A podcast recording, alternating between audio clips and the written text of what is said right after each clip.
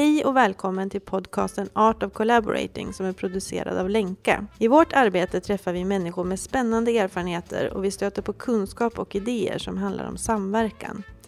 Vår förhoppning är att vi ska kunna skapa länkar mellan dem och dig som lyssnar och på så sätt bidra till att vi tillsammans fördjupar vår förståelse för samverkan och vad som krävs för att vi ska stärka våra samverkansförmågor.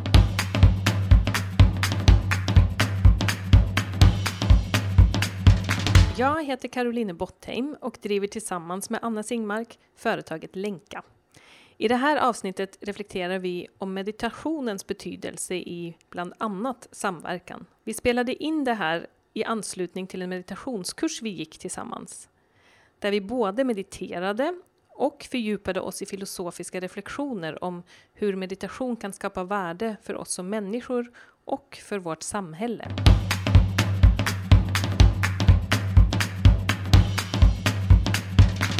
Då sitter vi här på Hillesgården och har gått en eh, meditationskurs i tre dagar.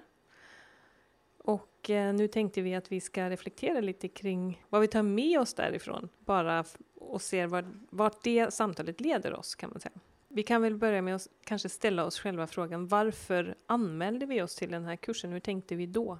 För mig var det så att du blev intresserad av den här kursen var det väl inledningsvis. Då lät det ju väldigt spännande att åka på det här som vi nu kallar för läger, men som kanske är en kurs egentligen. Men eh, ja, men jag, jag tänker också att ehm, meditation som livshållning var också en väldigt spännande titel. Och det klingade an också för mig just det här, hur kan vi få lite lugn kanske i en ganska stressad värld. Så jag tycker det var också bara var ett, en spännande spännande titel på, det här, på den här kursen. Vad tänker du? Mm, det tänker jag också. Och sen vet jag att vi också pratade om att eh, ja, men det blir ju så bra att vi tar en gemensam, att vi bara mediterar tillsammans innan hösten drar igång.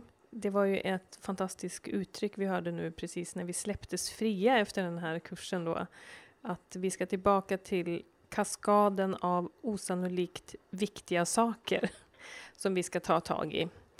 Och jag, jag, tror att vi tänkte lite så, och att så har det ju varit ibland för oss eh, när vi har varit i lite så här inför vägskäl och så där med vårt företag så har vi ju faktiskt resonerat ganska mycket också på ett andligt plan eller försökt ta in liksom lite mer andra perspektiv på det vi håller på med. Inte bara liksom det här rationella eller vad man ska säga. Att försöka komma åt det intuitiva på ett annat sätt. Och det här var väl också att vi kanske tänkte att det här stärker upp det lite också inför hösten. Ja, precis. Och, och just att eh, vi är ju, du och jag är, är, ju det här företaget. Så företaget är ju inget annat än, än vi två. Och hur vi också mår egentligen individuellt. Och, så det är ju, det är ju på något sätt spännande perspektiv. Att man skulle kunna gå in i någon typ av rationellt strategiarbete eller någonting sånt. Men man kan ju också välja att fundera på eh, ja, men förhållningssätt och förhållningssätt till sig själv och till, till vardagen och till, till det man står inför. Det, blir, det är ju också ett spännande perspektiv någonstans. Och det tycker jag är så härligt när du, för det har du sagt några gånger nu också sådär Ja, men tänk om det inte är så. För det är också så att vi står inför en förändring, att vi har varit tre eh, under två år och nu ska vi bli två igen. Och då kan man ju också tänka lite så här, åh herregud, ja, oj, hur ska det gå? Och nu får vi ännu mer att göra, eller hur ska det här bli liksom? Hur ska vi tänka och sådär. Och, um, och då vet jag att du några gånger har sagt så, att um, tänk om vi inte ska, tänk om det inte blir jobbigt, tänk om vi bara ska ta det helt lugnt och bara meditera, så löser det sig på något sätt. Och den, eh, det låter ju så mycket mer lockande än att tänka att det blir jobbigt och stressa upp sig på grund av det här. Men det är väl kanske det som, det finns en tendens i oss alla att göra det ibland och liksom fixa massa saker eller ta kontroll över situationen eller vad vet jag. Vilket inte är möjligt egentligen. Ja, om man skulle liksom bara titta på en vanlig kalendervardag så kan man ju lätt snurra upp sig själv eh, i en massa ja, men oroliga tankar eller känslor eller oj, hur ska det här gå? Hur ska vi hinna fixa det här? Att det är ju jättelätt också att, att eh, komma in i de tankesnurrorna. Eh, och då är det ju spännande, kan man också möta då dagen på, på ett annat sätt egentligen.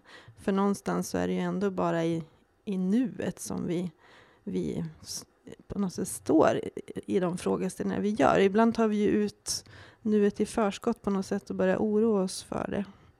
Ja, mycket bra uttryck tycker jag. Vi tar ut nuet i förskott, för det, det gör vi ju verkligen ibland. Det gör i alla fall jag när jag stressar upp mig då tror jag ju att jag redan är, att, att jag redan är där på tisdag när jag ska ha det där mötet. Och, eller jag tänker så här, åh herregud, hur ska jag förbereda mig på det? Och egentligen så är det ju, det är ju vår erfarenhet när vi håller kurser och så i alla fall, att det blir ju så mycket bättre när vi lyckas vara i nuet. Och det är mycket som hänger på det. Det är både liksom sådär att stå emot eh, prestations eh, ångest eller att, att tro att de andra förväntar sig att jag ska leverera något speciellt eller sådär. Och det gör ju att man kommer ifrån lite sin inre kompass. Ja, och det, så tycker jag faktiskt att det har varit under de senaste åren, att jag har stärkt upp lite den muskeln eller den känslan för nu är jag i nuet, eller nu är jag här och spelar med nuet på något sätt och det som är nu. Jag har fått en mycket starkare förnimmelse för när jag inte är där och när jag måste tillbaka dit på något sätt. Verkligen. Ehm, och, sen, och en del kanske som har spelat in i det också är att vi har ju rört oss mellan väldigt olika samhällssfärer och geografier och, och, och, varje fråga har varit ganska komplex. Eh, så på något sätt har det också krävt en närvaro och det är intressant att se då skillnaden mellan när jag är närvarande och när jag är eh, i tankarna på nästa projekt eller nästa vecka eller sådär. Det är ju jättespännande bara det, liksom möjligheten att stanna kvar lite grann i, i, i nuet. Ja, och hur vi kan träna på den förmågan då kan man säga.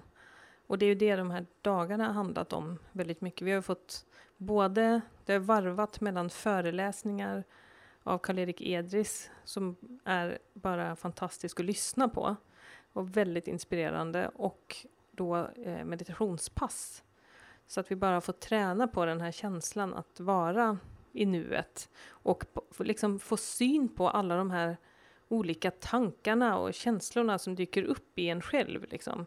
Nu hade han sånt väldigt bra begrepp för det som händer i oss. Jag tror han kallar det för medvetandets teater eller något sånt där, teaterföreställningen. Den inre, alltså att det liksom pågår ett skådespeleri där inne som man kan titta på.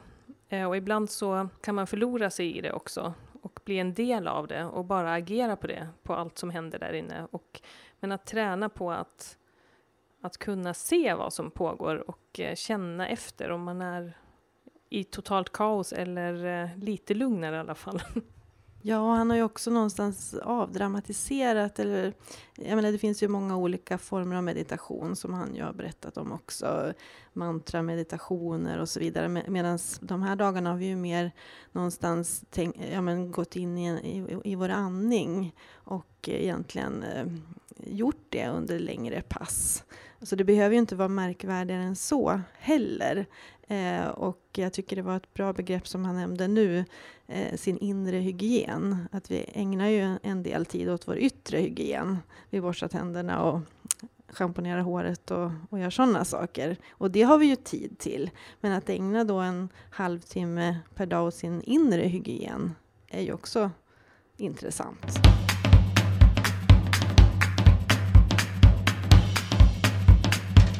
Ja, och den inre hygienen tänker jag kan ha så otroliga effekter. Det är ju det vi också har pratat om. Om ehm, meditationens samhällsrelevans har ju Karl-Erik pratat om, vilket jag tyckte var jätteintressant. Och då kom ju han in på fyra olika områden som, på, som kan påverkas av meditation. Och den första, det första området var relationen mellan egentligen du och jag-relationen. Eh, ja, men om vi är grundade mer i oss själva och har en känsla för var vi står någonstans också själva, så kan vi också respektera att den andra står där den står på något sätt. Och att vi kanske, om vi inte har den, är grundade i det, så kan vi gå över gränsen eller liksom bli säga saker som inte har med eh, den andra att göra kanske. Alltså vi kan, gränserna mellan jag och du kan bli lite mm, otydliga och eh, då blir inte kanske samtalet så bra eller relationen så bra. Precis, och då börjar jag ju tänka osökt på, på samverkan som vi också sysslar med. Det är bara en intressant liksom, aspekt att fundera på. Om vi på något sätt är, är grundade i vårt eget perspektiv innan vi går in och, och ska på något sätt skapa nya lösningar tillsammans med andra. Eller om det på något sätt bara är det här, liksom, vårt fasthållande av, av liksom våra egna tankar som, som snurrar i vårt huvud. Eller om vi faktiskt på riktigt känner att det här är viktigt till exempel. Eller att vi, vi kanske är en del av en organisation som och en del av en kontext som tycker att någonting är eh, jätteviktigt. Och vi kanske ska gå fram och, och föra fram de perspektiven. Men är vi liksom själva också helt eh, grundade i, i, i det? Vad är det vi själva också tycker är viktigt? Jag fick bara den tanken. Ja, och jag tänker att vi pratar alldeles för lite om det på något sätt. Jag vet att vi, har att vi kommer in på det ibland när vi pratar om samma, det här ett plus ett blir tre. Att vi också pratar om ja, vad är ett och ett, liksom? Eller är vi, är vi grundade i det? Eller vet vi om vi nu pratar om samverkan mellan organisationer, alltså vet vi i vår organisation vad det egentligen är vi ska syssla med. Och ibland tänker jag så här, när vi jobbar mycket med samverkan inom offentlig sektor till exempel, att där har faktiskt eh, gränsdragningarna blivit så flummiga på något sätt ibland. Att det känns som att alla sysslar med samma saker. Alla ska göra samma saker. Och att till exempel offentlig sektor ibland känns som att den styrs efter marknadslogiker eh, eller liksom Eh, som privat sektor, alltså med verktyg som kommer från privat sektor. Jag tänker ibland när man hör från offentliga organisationer så här, ja men det går bra för oss, vi ska anställa fler. Som jag hörde så här under den här flykting, eh, vad man nu ska få kalla det, flyktingvågen säger jag nu, 2015, att det blev liksom väldigt mycket att göra både för ideella organisationer och för kommuner och myndigheter och så. Och då tänkte jag på det, att det är så konstigt att man resonerar på det sättet. Typ, vi växer nu, det, det går bra för oss. Det blir så fel. Eller också det här att alla ska hålla på med, ja men det går trender liksom i organisations... Eh, eller i managementteori kanske, eller så här. Och då ska alla göra det. Eh, alla ska göra innovation labs nu i sina organisationer. Alla ska liksom skapa plattform för nytänkande tillsammans med andra. Och det kanske är jättebra, men, men ibland tänker jag också att ja, men alla dessa handböcker och grejer som produceras i de enskilda organisationerna och jag, ibland tänker jag, ska de göra det? Är det det de ska syssla med? Och då tänker jag att det kanske saknas lite besinning på vad är egentligen uppdraget den här myndigheten har eller sådär. Jag, jag tycker att det samtalet saknas ibland.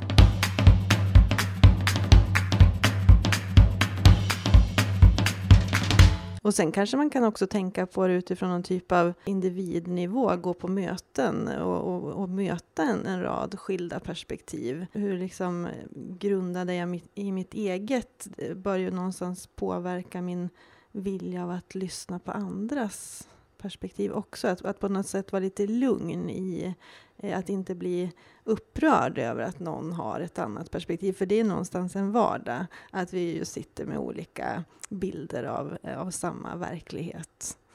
Så det är också spännande där. Hur kan vi grunda oss i att faktiskt gå in på olika möten och möta vardagskomplexiteten?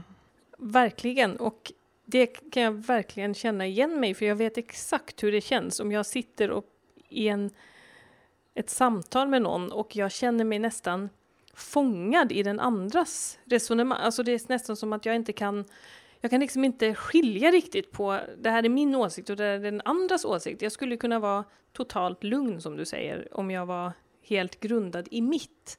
Men då kanske inte jag är riktigt det och jag har inte tänkt igenom riktigt var jag står kanske. Och då blir jag så stressad av, eh, om vi nu sitter i en diskussion, av vad du håller på att säga där. För att ja, då vill jag ju liksom övertyga dig på något sätt. Och det är ju en sån skillnad.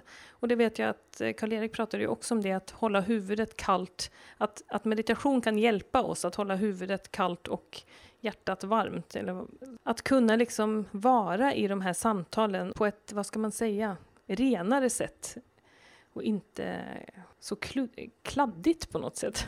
Och att kanske inte så, så, att säga gå igång eh, på att någon faktiskt tycker någonting annorlunda. Och då var, är vi inne på det andra området som handlade ju om att hantera konflikter och att egentligen kunna hantera spänning. Att han, hantera spänning ännu bättre genom att egentligen ha ett eh, lugnare förhållningssätt och att på det sättet också gå in i möjliga meningsskiljaktigheter med den synen på att man faktiskt vill hitta hitta en, en gemensam lösning och inte en konsensus där vi på något sätt inte har klarat av spänningen. Ja, och det är ju också väldigt intressant. För det är också något som vi befinner oss i ständigt egentligen. Jag tror att vi båda två nu när vi lyssnade på Karl-Erik tänkte på Mary Parker Follett också som har skrivit massa om det. Om just det här liksom förhållandet eller, eller varför konflikter är nödvändiga för, för kreativitet, eller att vi kommer vidare i vårt samhälle. Liksom. Vi har ju precis eh, börjat, vad ska man säga, eh, utforska konflikt, konflikter ännu mer tillsammans med, med andra personer. Och det är också väldigt eh, ja, spännande vad det har med oss själva att göra, vår precis förmåga att stå ut med missnöje egentligen och det Karl-Erik var inne på nu var ju att om vi inte löser konflikterna på riktigt, utan snarare liksom det sker med genom maktutövande till exempel, eller lite sådär, det kan ju också vara maktutövande som handlar om att nej men jag orkar bara inte att stå ut med den här spänningen så att jag, jag ger mig bara. Eller jag liksom, fast det finns alltid någonting som blir över då, som är en, en, negativ energi som, som inte går bort, för den, den kommer finnas där och om vi är i flera sådana konflikter så bara byggs den på liksom och någon gång så kommer den visa sig på något eh, obehagligt sätt. Och då, ja hur viktigt det är att konflikter är till liksom för att vi ska lösa dem tillsammans. Och det är bara de gemensamma lösningarna som är de hållbara lösningarna. Och det är också ja, väldigt intressant när man tänker på alla de här ja, men igen kanske också att vara grundad i sitt eget perspektiv och klara av att liksom vara i en period av tid där det liksom inte är klart hur vi, hur, eller där man kanske känner att det här kommer aldrig gå, vi kommer aldrig få ihop våra perspektiv. Men att står man ut med det tillräckligt länge så kommer det som Karl-Erik kallar för den transformeringen, eller att integrera våra perspektiv. Och det är ju någonting vi inte kunde föreställa oss innan kanske. Så det är ju också lite intressant. Och, och, där kan man ju också någonstans, antingen kan man ju prata om så stora liksom, transformationer i samhället som behöver komma till stånd, men samtidigt så sker ju all mänsklig aktivitet i vår liksom, eh, närmaste interaktion. Eller mycket gör ju det liksom, när vi träffar andra människor och i möten. Och hur kan vi då hantera spänningen egentligen när vi möts och faktiskt inte fly den då utan att eh, stanna kvar i den utan att eh, på något sätt gå igång i vårt, ja men att bara på något sätt se att det egna perspektivet är det, är, är det rätta. Det blir lite grann svart eller vitt eller vi, kan det faktiskt finnas lösningar som kan, som kan vara integrerade? Eller måste någon vinna den här diskussionen och så vidare? Ja, sen pratade han ju också om att vi kan eh, bli bättre på att motstå kollektiva illusioner genom att meditera.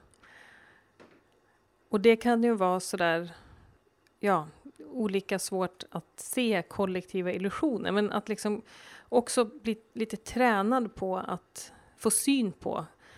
Eh, nu är det liksom så att väldigt många tycker om eller tror att det är rätt att vi gör så här. Eller det är väldigt lätt att gå med på någon åsikt kanske sådär, som är kollektiv, som blir väldigt stark. Och det kan ju finnas ett värde i att det finns sådana åsikter och att de är viktiga. Men att det också behöver finnas betraktandet av dem från utsidan lite, eller från ett lite lite metaperspektiv kanske. Vad är det som, som händer där egentligen och hur ställer jag mig till det egentligen? Eller så. Precis, för, för någonstans kan jag ibland uppleva att det kan bara handla om att, att ett ämne har börjat tag, tagits upp i media och så sprider det sig runt i media och sen sitter man vid kaffeborden på arbetsplatser och på olika möten och, och pratar om den och så blir den liksom hela hela centrum av alla diskussioner. Och det kan ju vara en jätteviktig fråga självklart, men, men det blir på något sätt som att komplexiteten reduceras väldigt starkt genom att, att det blir liksom ja, men ett perspektiv som någonstans har sanningen just nu. Eh, och som kanske också faktiskt utesluter den där dialogen om det finns alternativa sätt att se på den frågan. Det kan ju också vara lite, vad säga, hindra ett reellt utforskande av en frågeställning. Vi pratade ju i veckan med Arne Eriksson också om att vi kan, det kan vara så lätt att vi på en gång gemensamt börja prata om problemet. Det här, det här, nu är det här ett problem, nu ska vi lösa det här. Men att vi inte ägnar så mycket tid åt att faktiskt forma. Är det det här som är problemet just nu? Finns det andra alternativa eh, frågeställningar som vi behöver prata om? Eh, att, att den forma-fasen någonstans saknas ibland. Jag tror att, som du sa där, att meditationen kanske kan förhindra den typen, att, att bara gå igång kollektivt på en, en fråga. Ja, men nu är problemet så här Ja, och när du pratar så, så tänker jag på, eller då får jag den här bilden av så här hets i mig, eller, eller liksom att det är väldigt hetsigt tycker jag. I många organisationer och eh, i mångas liv, känns det som. Det är liksom otroligt eh, hur vi håller på och hetsar runt och ska hinna med en massa saker. Och och vara så himla effektiva. Vi blir, så, vi blir liksom så uppstressade. Alltså jag, det är så ofta, tycker jag, när vi träffar eh, människor att det är liksom det väldigt mycket handlar om. Att ja, nu kommer jag därifrån och jag hinner inte. Nu, vi har inte hunnit. Eh, vi drog över det mötet och nu måste vi dra lite ner på det här mötet. Och det finns inga ställtider och det finns liksom inga det finns så lite tid för reflektion eller för att ta det lugnt. Eller det, det är inte så att det finns incitament för det, känns det som. Möjligtvis i teorin, och det börjar kanske bli lite mer så att man börjar tycka att ja, men det är nog lite smart att meditera och det är nog lite smart att ta det lugnt. Men det är ganska svårt att omsätta det när man dras in i, den här, i det här surret, känns det som. Eh, och det kan jag ju märka själv att liksom, nu är vi fria egenföretagare och kan egentligen tänka väldigt fritt vad gäller när vi jobbar, hur mycket vi jobbar och sådär. Men det är ändå svårt ibland att liksom tänka, ja men nu tar jag mig en förmiddag bara i lugn och går en promenad och tänker lite. För att jag ändå har någon form av någonting i ryggraden som säger nej men det är onsdag och du måste, det är ändå jobb liksom. Det är till och med när man har de förutsättningarna kan ju det vara svårt att prioritera. Ja, och som vi pratade om nu på fikapausen, att vi kan ju ägna ganska mycket tid åt att sitta och titta på internet till exempel. Eh, läsa nyhetssajter och social media och leta efter det ena eh, med det tredje eh, och ägna timtals åt det. Men, men kan samtidigt då säga att vi, vi inte har liksom tid att reflektera. Så det där är också lite spännande. Vad, vad ägnar vi vår lediga tid till?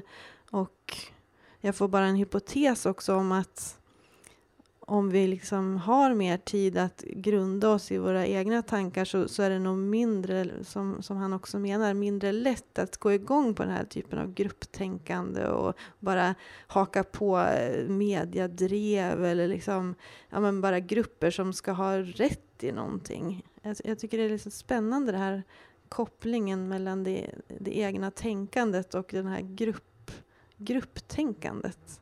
För grupptänkandet kan ju vara bra, men det kan ju också vara ganska farligt. Det kommer liksom sanningar som vi ska acceptera. Och där har ju också samhällen historiskt sett kunnat bli ganska farliga med, för, med ett förstärkt grupptänkande.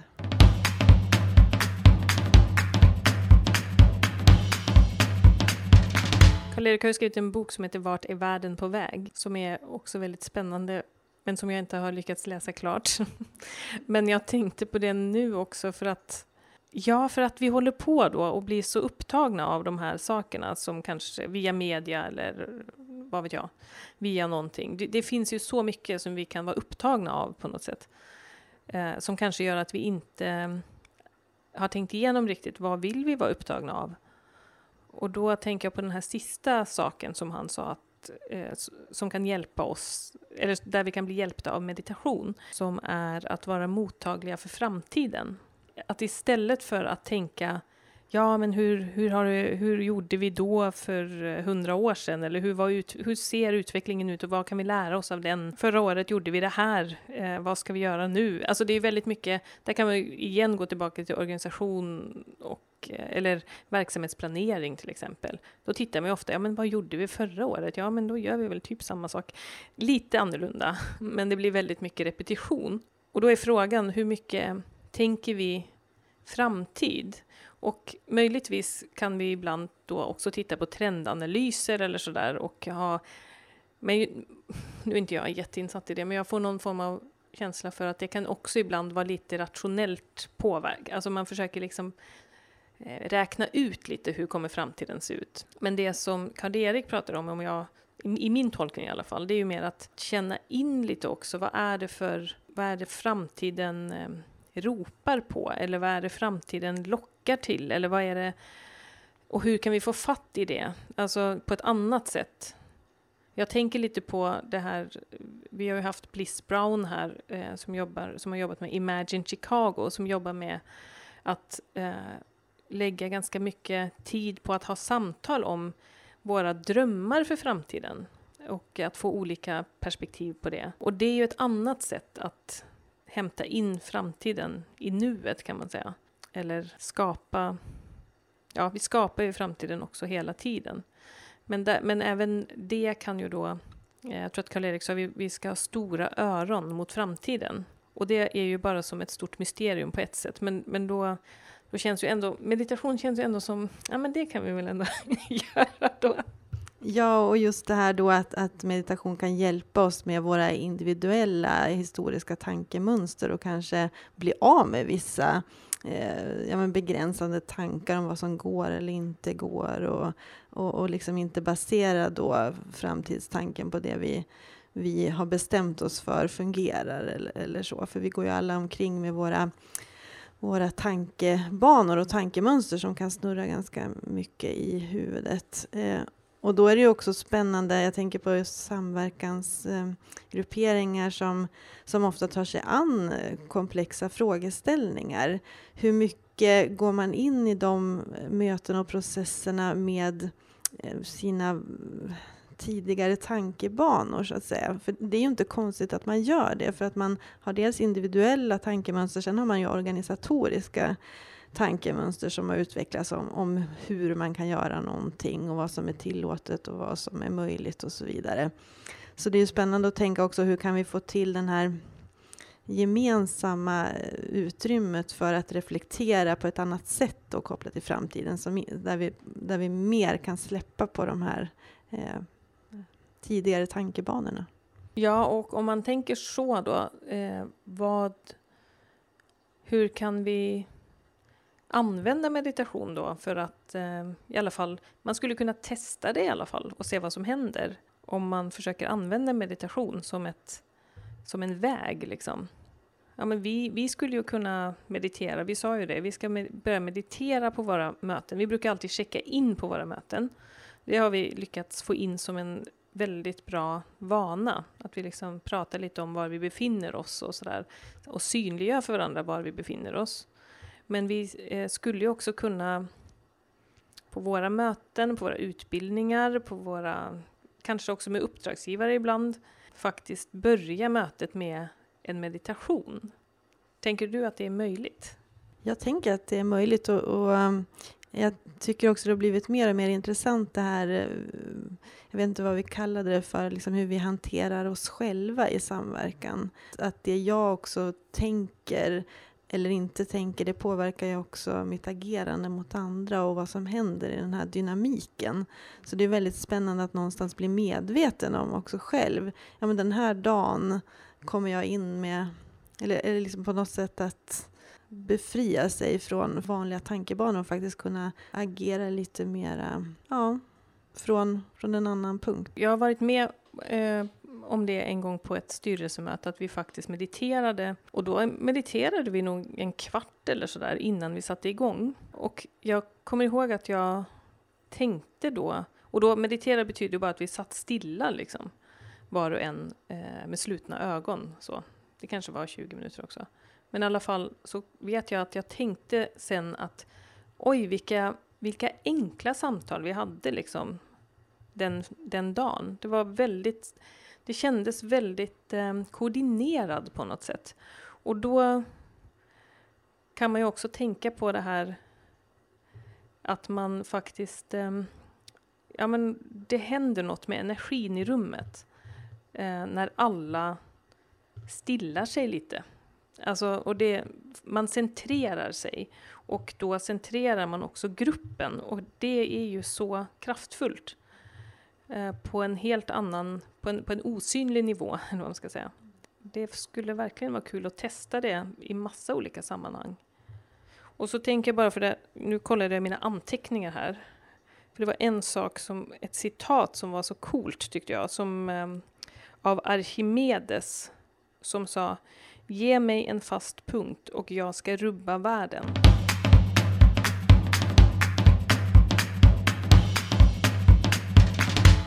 Tack för att du har lyssnat. Den här podden är producerad av Lenka och redigering görs av Emma Larsson som är skribent och dokumentärfilmare. Vi hoppas att du blev inspirerad och stärkt i ditt intresse för att fortsätta utforska fenomenet samverkan. Om du blev nyfiken på meditationskursen som vi har gått så heter den Meditation som livshållning och genomförs av Karl-Erik Edris på Hillesgården.